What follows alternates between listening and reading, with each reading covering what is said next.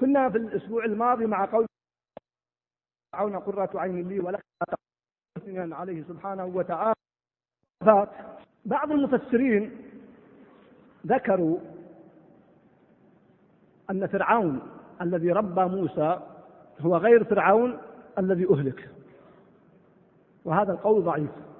بل الأدلة تدل على خلافه وبخاصة أن امرأة فرعون التي هي التي حمت موسى عليه السلام وقالت قرة عين لي ولك هي التي عذبها فيما بعد. فرعون وعدها النبي صلى الله عليه وسلم من النساء اللاتي كملن. قال كمل من الرجال كثير ولم يكمل من النساء إلا مريم ابنة عمران وآسيا امرأة فرعون.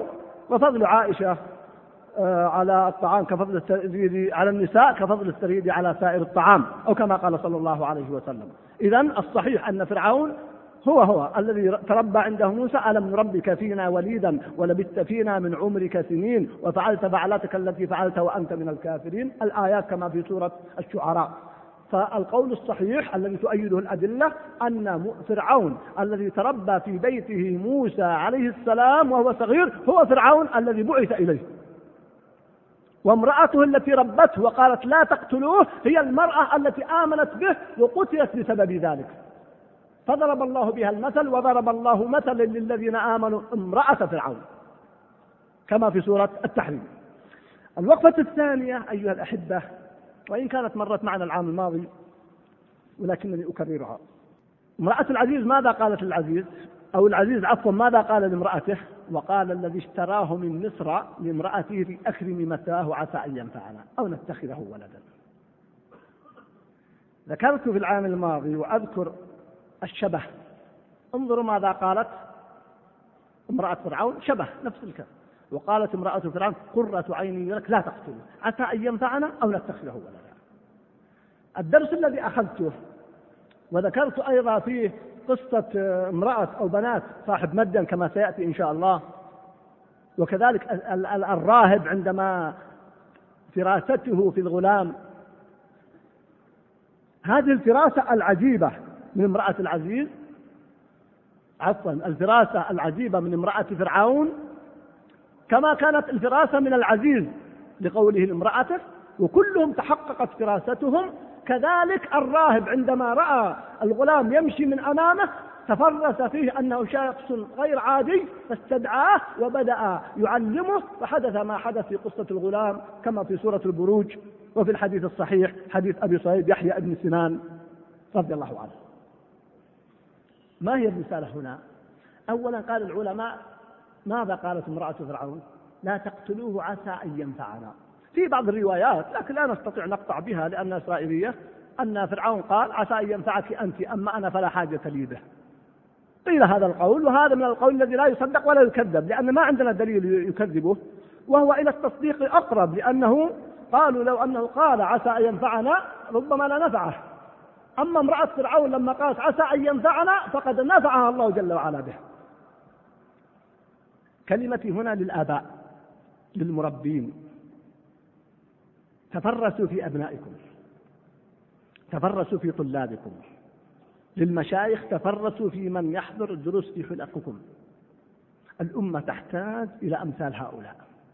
الأمة الآن كما نحن في قصة موسى الآن وفرعون لا تستعجلوا قد يقول الواحد كيف تفرس يعني أدور الآن من الشباب الصغار عمره عشر سنوات أو ثمان سنوات حتى ينقذ الأمة. ما شاء الله. وسع صدرك ما شاء الله. يا أخي ألم أقل لكم أن موسى عليه السلام لما قال الله جل وعلا ونريد أن نمكن لا الشيطان الرجيم. لما ذكر الله جل وعلا قصة فرعون أنه علا في الأرض وجعل أهلها شيعا يستضعف طائفة منهم يذبح أبنائهم ويستحيي نساءهم إنه كان من المفسدين. ونريد أن نمن على الذين استضعفوا في الأرض ونجعلهم أئمة ونجعلهم الوارثين ونمكن لهم في الأرض. ونري فرعون وهامان وجنودهما منهم ما كانوا يحذرون. ماذا قال؟ أرسل الله رسول؟ ختب فرعون؟ وأوحينا إلى أم موسى أن أرضعيه. توه ما بلغ سنة ويمضي السنوات. قطعا لا تقل عن خمسين سنة. يعني أربعين سنة حتى يبعث إلى فرعون. ومع بعثه لفرعون جلس بينه وبين محاورات ولقاءات كما سيأتي. ثم بعد ذلك أغرق فرعون بعد أكثر من خمسين سنة. الأمة بخير والحمد لله. على ما رغم ما تعانيه الآن في خير.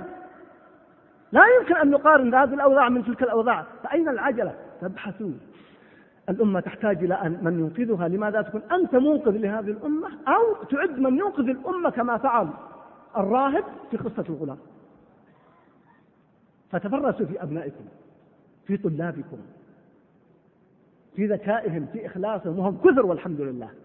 أسمحنا نرى من أبنائنا العجائب والحمد لله. في صلاحهم وحفظهم وذكائهم وجلدهم وبعدهم عن آلات اللهو هذا والله يسر.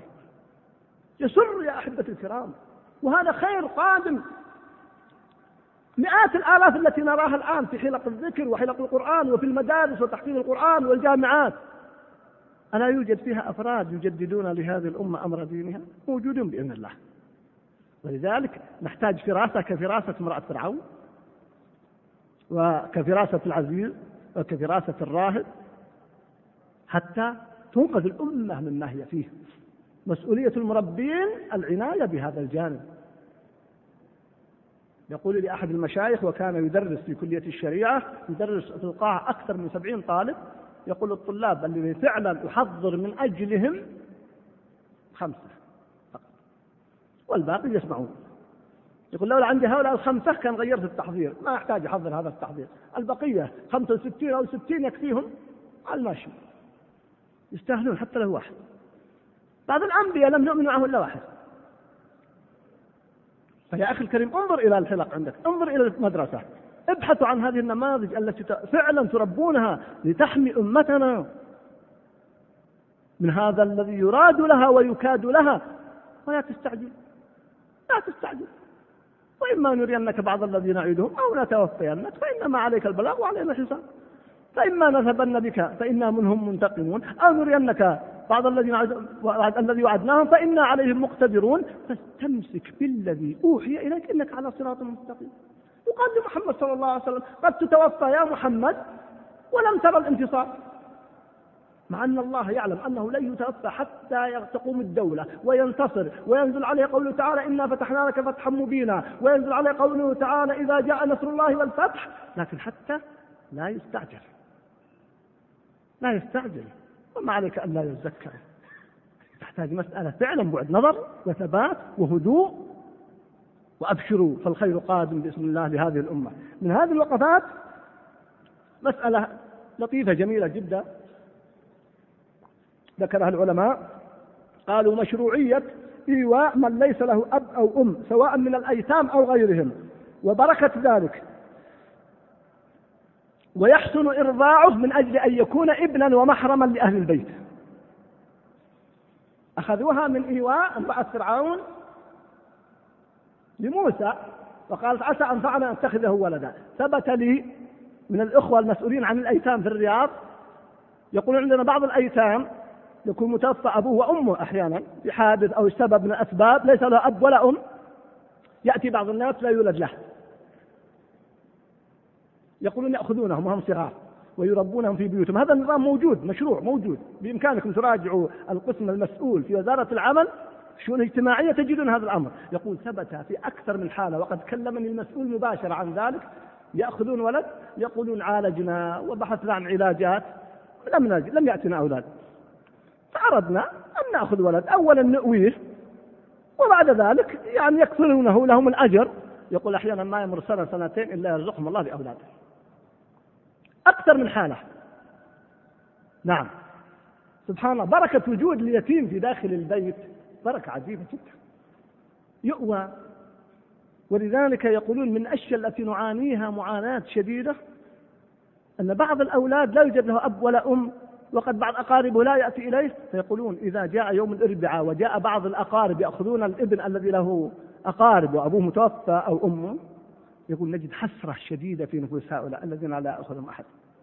حسرة شديدة يقولون والله نخرج بهم يتفرجون يذهبون بس ما ما لماذا ما أحد يأتيني يسأل هذا الطفل ببراءة. لماذا لا أحد يأتيني لماذا ما هناك أحد يسأل عني لماذا ليس لي أب ولا أم ولا عم ولا خال ولا عمة؟ قد يفهم أنه ليس له أب ولا أم لكن أين أعمامي؟ أين أقاربي؟ أين أين؟ فالذي يريد الخير يا أخوان يكفل هؤلاء يفتح الله عليه من أبواب الرزق ويفتح الله عليه من أبواب الخير ومن أبواب الصحة. وهذا هو التكافل الاجتماعي الذي جاء به الشرع. ودلالة هذه الآية واضحة على هذه المسألة. أيضا من هذه الأمور أهمية اتخاذ الحكمة في الوصول إلى المراد. يتضح ذلك من فعل امرأة فرعون وحسن من فعل امرأة فرعون وحسن ملاطفتها لفرعون من أجل تحقيق مرادها. تلطفت مع فرعون. سبحان الله. أول ما قالت قرة عين لي ولك. لا تقتلوه. ثم بدأت تخاطب عقله ووجدانه. عسى أن ينفعنا أو نتخذه ولدا. فاستخدمت الأسلوب العاطفي قرة عين لي ولك. واستخدمت الأسلوب العقلي عسى أن ينفعنا أو نتخذه ولدا. وهو يتمشى مع الشرع وإن كان وقتها ليس عندهم شرع. لكن نحن نقول فاستطاعت أن تحقق مرادها. هذا ما نطالب به عند كل أزمة. امرأة فرعون كانت في أزمة. كان الولد سيؤخذ من بين يديها ويقتل. أزمة لا شك فتصرفت التصرف الحكيم. ولذلك قلت لكم قبل قليل في مثل البلايا التي تقع في مجتمعنا نحتاج إلى هذه الحكمة. عاطفة مع عقل مع علم شرعي تتحقق بإذن الله. عدم استعجال. هذا منهج يرسمه هذه الآية. ولذلك استخدام العاطفة والعقل والشرع جميعا في توازن يحقق المراد كما كثرت مرارا من هذا الدين ثم أختم بنقطتين لأن معنا خمس دقائق. النقطة الأولى أن الله سبحانه وتعالى إذا أراد شيئا كان مهما كانت الأسباب الظاهرة التي تدل على خلاف ذلك فمع حرص آل فرعون على قتل كل الجو... على قتل كل بني إسرائيل.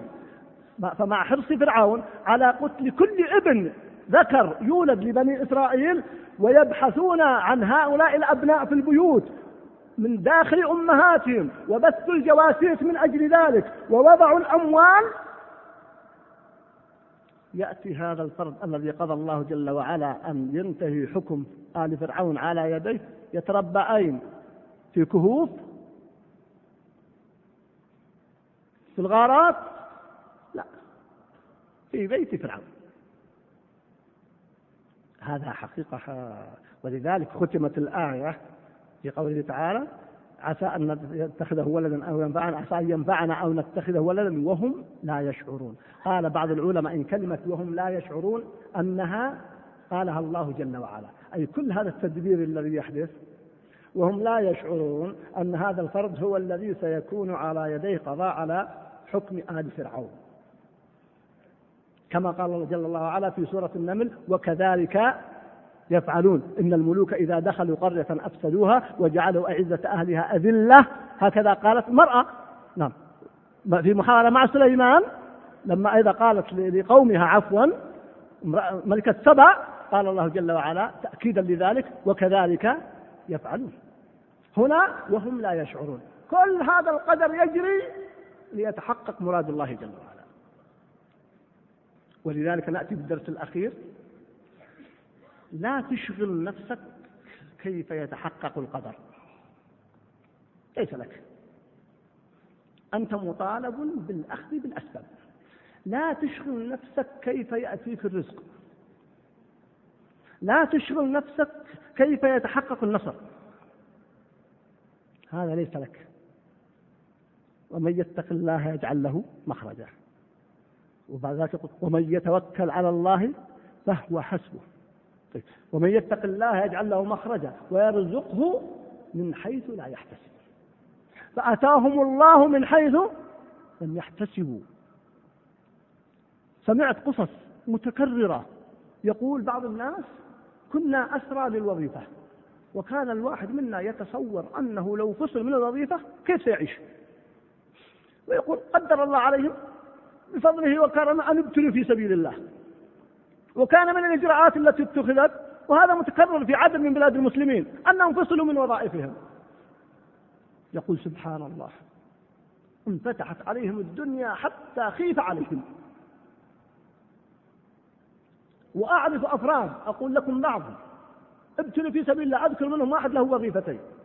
خطيب جامع وفي الهيئات. فصل أولا من الهيئات راتبه 3500 ريال. 3000 ريال. ثم بعد ذلك كان خطيبا جريئا ففصل. الآن قطعا وهذه سنوات معدودة يتعامل بمئات الملايين. نسأل الله أن يحفظه وأن يكفيه شر هذه الأموال. لا تخف وهذا متكرر ليس واحد والله عشرة. إذا لا تشغلوا أنفسكم وتأخذوا بالأسباب المادية فقط. لا نأخذ نحن بالأسباب المادية ضمن إطار الشرع. لا تشغلوا أنفسكم كيف تهلك أمريكا. انظر منذ أيام ماذا حدث فيها. كم مات فيها؟ كم خسرت من الملايين؟ من الذي هجم عليها؟ من؟ جيرانها في كوبا أو في المكسيك؟ أبدا. ولله جنود السماوات والأرض. ما عليك. المهم أن نأخذ بالأسباب الشرعية للنصر والباقي تحت وهذا ما حدث في قصة موسى كما سيأتي. لما أخذوا بالأسباب الشرعية النتيجة لما هزم فرعون وانتهى ملك فرعون هل انتهى بأنه قتال بينه وبين بني إسرائيل؟ أبدا. لم يتقاتلوا لحظة واحدة. فأوحينا إلى موسى أن فأوحينا إلى موسى أن اضرب بعصاك البحر فانفلق فكان كل فرق كالطود العظيم وأزلفنا ثم الآخرين. ثم هلك هؤلاء. ما تخشى لا تخاف. لا تشغل نفسك في هذا الموضوع. ليس لك. اعمل بما هو لك بالأخذ بالأسباب الشرعية. أما النتائج ليست لك. لا يوخم الشيطان عندك. كيف كيف كيف يهلك الغرب؟ كيف تهلك إسرائيل؟ كيف لا يا أخي الذين قال لهم الناس إن الناس قد جمعوا لكم فاخشوهم فزادهم إيمانا وقالوا حسبنا الله ونعم الوكيل. فانقلبوا بنعمة من الله وفضل لم يمسسهم سوء واتبعوا رضوان الله والله ذو فضل عظيم إنما ذلكم الشيطان يخوف أولياءه فلا تخافوهم وخافوني إن شرطية إن كنتم مؤمنين. عليك وما رميت إذ رميت ولكن الله رمى. فحقائق إيمانية صريحة. هكذا موسى. يتربى في بيت فرعون ليتحقق القدر الذي أراده الله جل وعلا وأن تذهب جميع محاولاتهم سدى وهباء منثورا.